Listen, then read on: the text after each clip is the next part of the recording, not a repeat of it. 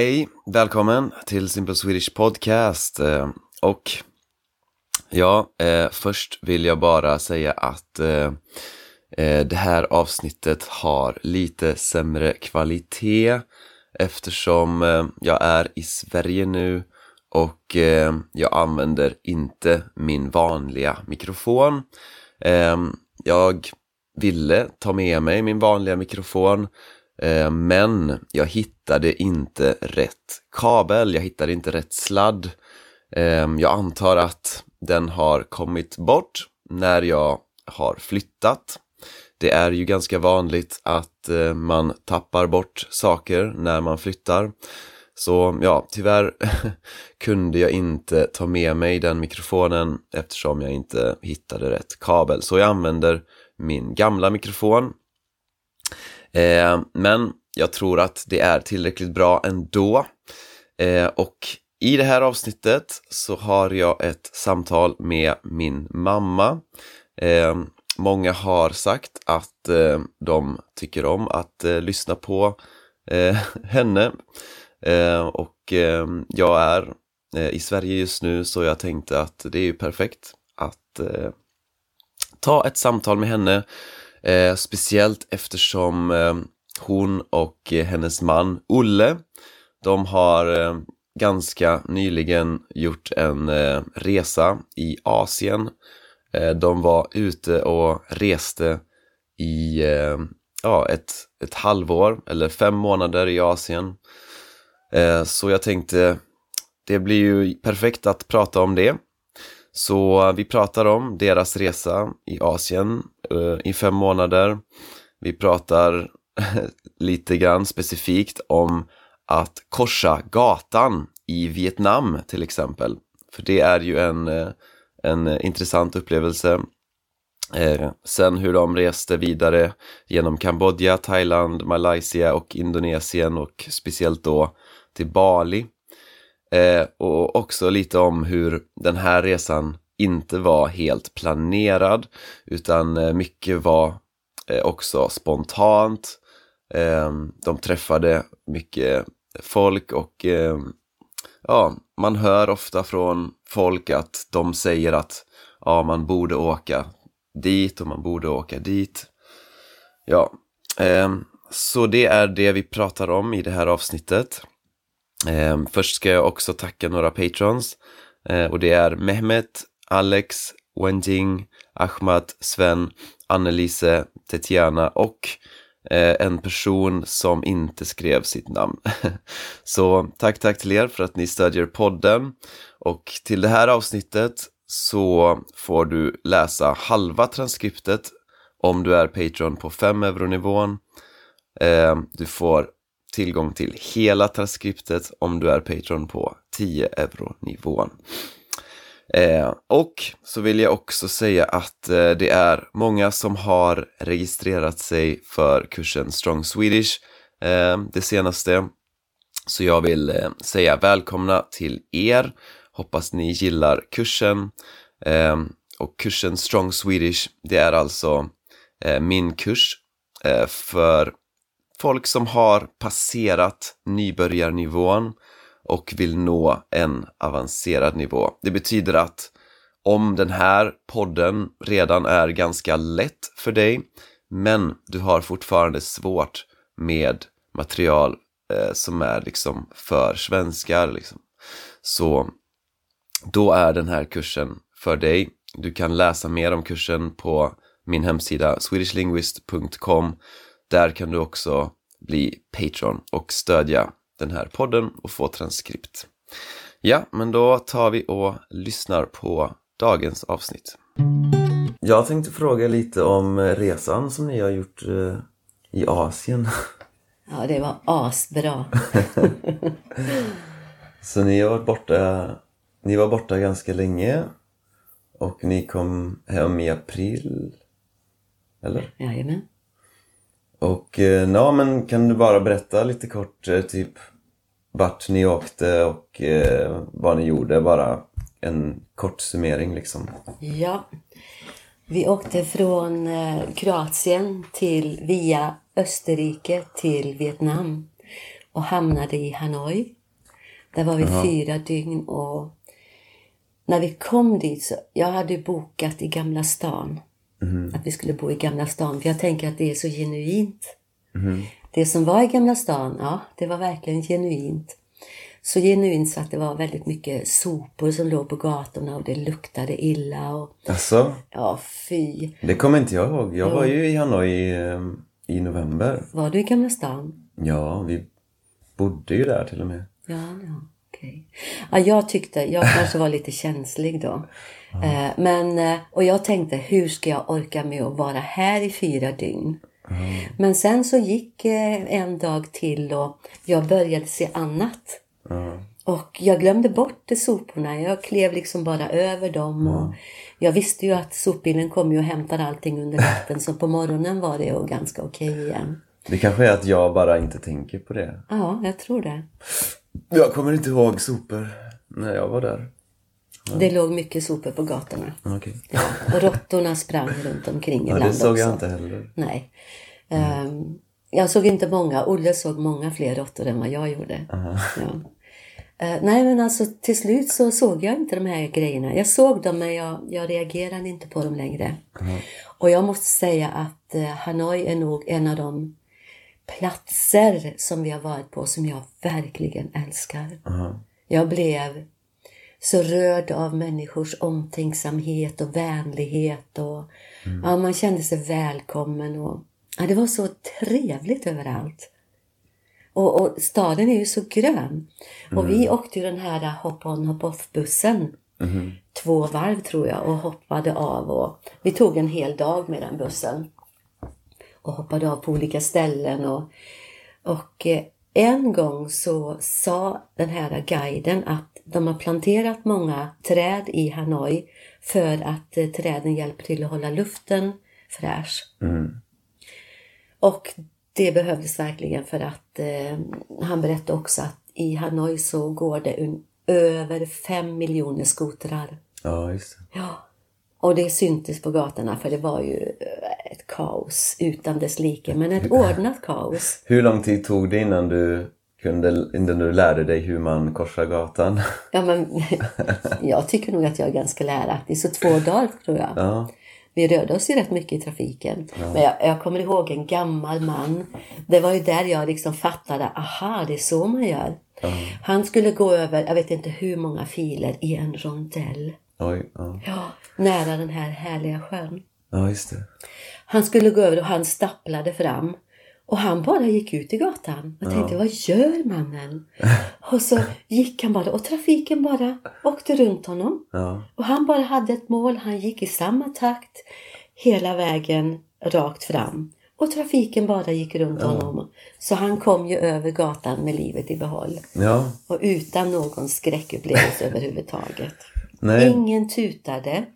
Ingen gjorde något väsen. Alla bara var trevliga och hjälpsamma i, även i trafiken. Ja. Fantastiskt. Det tyckte jag var en, en eh, upplevelse också, att lära sig korsa gatan i, där. För Ja. att eh, först i början så tänker man bara, hur kommer jag över? Hur? Det är bara trafik, trafik, trafik. Ja. Så ser man folk bara går ut. Ja. Och man, va? Hur gör de? va? Och sen så börjar man själv så här börja gå ut och så är man lite osäker och så för att det funkar inte så bra när man är osäker utan det, man måste bara lära sig att ja, men man går ut och man har lite koll, man tittar på varandra och Ja. ja. Och sen bara kan man korsa gatan var som helst. ja. Det är helt unikt alltså. Jag var så fascinerad. Okej, men det skulle vara egentligen en, en sam, kort sammanfattning. Så hur länge var ni i, i Vietnam? Eh, vi var i Vietnam. Vi har varit ungefär en månad i varje land under fem månader. Så Vietnam, där åkte vi upp till Hasiang-området och åkte motorcykel en vecka. Och det var ju, det är ett särskilt kapitel. Ja. För där var det, ja, det var också unikt med människomöten och upp, naturupplevelser och vägar som var bortspolade. Och vi hade ju en riktig motorcykel och Olle körde och jag satt bak på och filmade och fotograferade i princip hela tiden. För det var så mäktigt överallt. Ja, så där var vi en vecka där uppe. Sen åkte vi ner till Da Nang. Nej, vi åkte till Halong Bay och cruisade på, cruising på Halong Bay. För vi var ju helt slut efter den här veckan på motorcykel. Och där hade vi all inclusive. Vi bara skämde bort oss och hade en jättelyxig hytt. Och eh, vi fick massage och vi bara slösade på oss själva. Okej, men jag tänkte bara så här en översikt. Okej, först var vi där, sen var vi där, sen var vi där och sen går vi tillbaka till specifika grejer. Jaha. Okej. Sen åkte vi till eh, Da Nang. Och vad vi gjorde där, det var liksom kort. Vi var bara där i två, tre dygn. Och t- gi- tittade på eh, Dragon Bridge på kvällen när den var så där vackert upplyst. Och så var vi uppe på Golden Bridge. Det är den här som, där två händer av cement håller en stor guldbro. Det är en sån här turistattraktion. Sen åkte vi nattåget ner till eh, Saigon, Ho Chi Minh. Och eh, vi var lite upplevelsetrötta då för att vi hade varit med om så himla mycket. Så vi gav inte Saigon en chans. Vi var där i tre dygn och vi orkade inte göra någonting knappt. Vi tog en sån här turistbuss och körde runt lite. Det låter som sen- att ni gjorde ganska mycket i Vietnam. Ja, vi gjorde det. Men vilka var länderna ni var i totalt? Ja, då var det eh, Vietnam, månaden, Kambodja, Thailand, Malaysia och sen Indonesien. Ja. Och Indonesien fokuserade vi på Bali och eh, Gili Islands. Giliöarna. Ja. Ja, Gili Tea. ja. Ja, Så, ja, för att det inte ska bli så långt så tänkte jag att vi bara, vi bara tar vissa delar så. För att ehm, jag tänkte fråga vad du, vilken del som du, liksom vilken del av resan som du uppskattade mest? Ja, det kanske är svårt. jättesvårt. Okej, och en, lite, ja, en del som du uppskattade mycket kan vi säga. ja. Nej men alltså jag, när vi kom till eh, mm, Phnom Penh i Kambodja. Vi bodde vid Mekongfloden och, och var där sju nätter och bodde på ett fantastiskt hotell nära eh, den här mm, nattmarknaden. Eh, Mekongfloden på kvällen och trafiken på kvällen, den var helt totalt magisk. Vi, det var verkligen underhållningen första klass. Eh, sen Hur menar du då med trafiken? och- Ja men du vet det här kaoset med alla cyklar och motorcyklar och bilar och människor som är ute och går och ungar som är ute på, sent på kvällarna och hundar och ja. de sitter på, på gatorna och äter en festmåltid för familjen, breder ut en filt och ja. men det är bara helt unikt. Det är som levande, det blir Ja. så levande. va? Ja, Ja. och alla är så trevliga och ler hela tiden och är så välkomnande och hälsar. Och, ja, men, vi fick mycket uppmärksamhet för att vi var ju ett ganska unikt par, uppenbarligen. Det var inte så många vitingar som gick där på gatorna. Och speciellt inte ett äldre par. Och, ja. men Olle är ganska lång. Och, ja. Så vi fick mycket uppmärksamhet. Eh, Det som var häftigt mera förutom eh, Mekongfloden i Phnom Penh, det var ju att åka till Siem Reap, där Angkor Wat-området med alla dessa tempel. ja. Och den största upplevelsen det var ju Taprom, det här templet som är överväxt av djungeln, Ja, som finns med på Unescos världsarvslista. Där hade jag kunnat gå i dagar. Nu blir jag sådär emotionell, för det var så häftigt. Eh, och sen har vi varit ute på några öar, både i Vietnam och i Kambodja. Fantastiska öar. Men där har vi mest eh, solat och badat på vita stränder och laddat batterierna för att ta oss till nästa äventyr. Så från Kambodja så drog vi iväg till Thailand för vi hade träffat ett holländskt par när vi var i Hasiang-området och åkte motorcykel och de bjöd oss hem till sig i Pattaya. Så där bodde vi en vecka hemma hos dem. Jättelyxigt hus. Och vi liksom hade ett stort eget rum med badrum och ja, det var fantastiskt. Och gjorde lite olika saker. Och där var vi också på områden som Rayleigh Beach och vad gjorde vi mer? Vi var både i mm, Ao, Ao Nang. Nej, vad heter det? Nu blandar jag ihop dem. Ja, det Just det, Aonang heter det. Da Nang heter det i Vietnam. Aonang heter detta i, i eh, Kambodja. Nej, i Thailand. Eh, vi gjorde inte jättemycket i Thailand. Vi var nere på öarna Koh Samet och Koh Samui. Och på Koh Samui hamnade Olle i en frisbeetävling. Och träffade vi massa gott folk där också såklart. Sen drog vi vidare till Malaysia. Malaysia gav vi heller ingen rättvisa för att eh, vi hamnade på lite fel ställen och vi var fortfarande lite upplevelsetrötta. Ja, just det. För att ni var borta i fem månader. Sammanlagt ja. Eller sex månader sammanlagt. Men fem månader i Asien. Ja, fem månader i Asien. Ja. Så att ni har liksom gjort en... Jag, jag har ju tänkt att eh, många gör ju en sån här typ av resa när man är i typ 20. Ja, precis. Så, så jag tänkte, var det vanligt att ni träffade andra människor som var i eran ålder? Nej, det var inte så vanligt. Men de vi hittade, de blev vi vänner med. Ja. Ja. Varför tror du att folk inte gör resor, den typen av resor i eran ålder? Ja, men det är ju läskigt. Alltså, man ger sig ut i okänd terräng. Ja. Ja, men jag tror att vi, vi blir väldigt bekväma när vi blir äldre. Ja. Vi vill ha det gött och enkelt och tillrättalagt.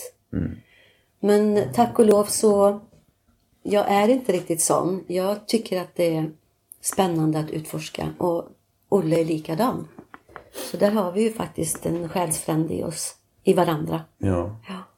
Så, Men, och, men finns det någonting som om, om du skulle liksom rekommendera folk i eran ålder att, eh, att eh, finns det någonting som man borde tänka på? Det kanske inte spelar så stor roll vilken ålder man är i och för sig då, men Alltså, våran resa var inte planerad. Nej, utan vi hade pratat lite lätt om det. Olle ville egentligen inte åka till Asien, men jag tycker nog att Asien var lite spännande. Och sen har ju du och Niklas berättat en hel del om Asien. ja. Och ni har varit där och sen har jag hört någon annan ung person som också hade varit där. Och, och jag tänkte, men hur farligt kan det vara? Det är väl bara att få sina vaccinationer och få sin försäkring och dra iväg. ja. Och, eh, och, och. Jag tror inte jag vaccinerade med någonting innan jag åkte Nej. till... Eh, Vi tog inte ens hälften av det vi borde ha haft. nej, okej. Vi hann inte helt enkelt, för vi var inte förberedda. Och sen blev det väldigt spontant. Jag sa till Olle, du Olle, nu hittar jag en resa här för det här priset. Vad tycker du, ska vi dra? Ah, vi drar, säger han. Så jag beställde den resa- resan och så packade vi lite grejer och så drog vi. Ja, och ni, liksom, tänkte du från början att ni skulle vara borta i ett halvår? Nej, inte så länge kanske. Men det ena gav det andra för att många sa till, åh har ni varit där och ni måste åka dit. Som eh, Indonesien var väl inte egentligen på tapeten och inte Malaysia heller. Men du sa väl att du ville till Bali? Ja, jag ville ja. Men det var inte beställt, det var liksom inte planerat. Nej. Men det var så många som hade sagt det och ett annat par som vi träffade när vi var ute på vår motorcykelresa som vi fick jättefin kontakt med, de var också ute på motorcykelresa och sa nej men ni måste åka till Bali, ni måste åka till Bali. Ni måste åka till Ubud, ni måste göra det och det och det och ni måste åka, ja. Så det var bara så att ju mer jag hörde detta att ni måste åka dit och dit och dit, desto mer blev det som en en eh, reell tanke i mitt huvud. Så det var ju liksom bara att ta det. Ja. För att varje gång när vi hade beställt en resa, då var man ju tvungen att beställa ett eh, visum och så en utresa någon annanstans. Så då tänkte vi, vi börjar långt borta ifrån, från hemmet, och så tar vi oss närmare och närmare Europa. Men Indonesien var ju inte närmare Nej, Europa, är det men det bara blev så. Det bara blev så. Och jag måste ju säga då att de största upplevelserna, det var Vietnam, vissa delar i Kambodja, alltså speciellt Angkor-området och eh, Indonesien. Jag är så glad att ni har varit på Gili, Giliöarna. För där stormtrivs jag. Ja. Och Ubud i, på Bali. ja. Oj, oj, oj. Och vad, och vad är det med Ubud? Ja, jag har frågat många människor varför ska man åka till Ubud? Ja. men det är så fint och fantastiskt och så. Men det är ingen som har gett ett konkret svar. Men nu ska jag ge ett konkret svar. Jo, man åker in i djungeln och sen vet man inte när staden börjar. För staden är också djungel. Djungeln och templen gör sig påminda var du än sätter foten. Du går in till en restaurang, det är kl- klängväxter och det är lianer och det är palmer och det är allt möjligt som hör djungeln till. Och det är små tempelbyggnader inne i restaurangerna och, och Ja men djungelstad. Det är så jag kan förklara Ubud. En djungelstad. Och så vänliga människor överallt. Hela tiden. Vänliga, kärleksfulla, tillmötesgående, ärliga. Vi har bara mött ärliga, goda människor. Och så många vänner vi har fått när vi har varit ute och rest. Jag bara blir knockad. Även ungdomar. Ja, så om vi ska avrunda detta så... Åk! Åk ut i världen och se och upplev. Vad är det bästa med att, eh, med att resa och se världen? Man kan inte ta någonting för givet. Eh, Man får upplevelser som man inte ens kunde drömma om. Och man kommer uppfylld av så mycket kärlek. Så det är nästan så att det inte får plats i, eh, i eh, hjärtat. Ja, alltså det... Finns det någon... Eh, jag har ju också rest mycket utan att planera allting. Finns det någonting... Någon liksom... Något, något positivt? Ja, Liksom, vad är, vad är, finns det någon fördel med att inte planera allting? Därför att man träffar så många, män, så många människor som säger ni måste åka dit. Och har du då planerat hela din resa så kan du inte göra sådana avstickare. Nej. Men eftersom vi levde från land till land så blev det så att vi fick också uppleva från land till land. Så ni hade spontaniteten med i beräkningarna liksom att Ja. ni, kan, eh, ni kan vara lite spontana? Ja, för jag kunde sitta när vi hade kommit till Hanoi. Då, det enda Olle ville det var att ta motorcykelturen och den var verkligen fantastisk. Och sen har ju vi tittat väldigt mycket på nätet. När vi var nere i Kroatien, när vi hade bestämt att vi skulle åka till Asien och börja i Vietnam. Då tittade vi väldigt mycket på nätet. Ja, vad kan vi tänka oss att göra efter det? Och vad, vad skulle vi vilja se för någonting? Och det finns ju otroligt många Youtube-klipp från olika länder och olika områden som man kan ha nytta av. Både när det gäller försäkringar, sjukvård, eh, upplevelser, alla måsten och så får man sålla bland dem för att det är ju oändligt. Och sen bara bestämde vi att, ja men, ska vi ta och åka, vi är så nära detta nu, ska vi ta och åka dit nu då för att ha gjort detta också? Till exempel Golden Bridge. Vi var ju så nära, vi var ju i Da Nang. Ehm, ja men det här var kul att vara där ändå. Även om den är jätteturistig. Det som var fördelen när vi var ute och reste, det var att eh, covid-pandemin hade varit väldigt nyligen och folk hade inte börjat resa så mycket än. Så det var inte så crowdy överallt, alltså så, så trångt och turistigt överallt. Utan vi kunde få utrymme. Alltså hade vi åkt till Golden Bridge innan pandemin, ja men då hade vi ju knappt fått plats på den där bron. Nu var det utrymme.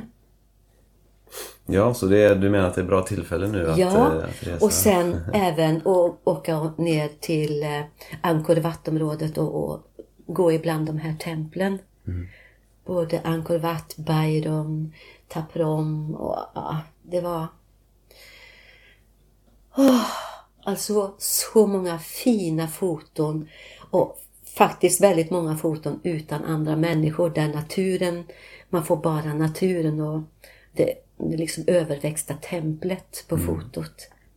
Det tror jag inte man får annat än när det inte är så mycket turister. Och det är nu fantastiskt. Men det la passar väl att runda av då. Ja, Men eh, tack för att du, prat, du var med och pratade om den här resan. denna fantastiska resa. Tack själv.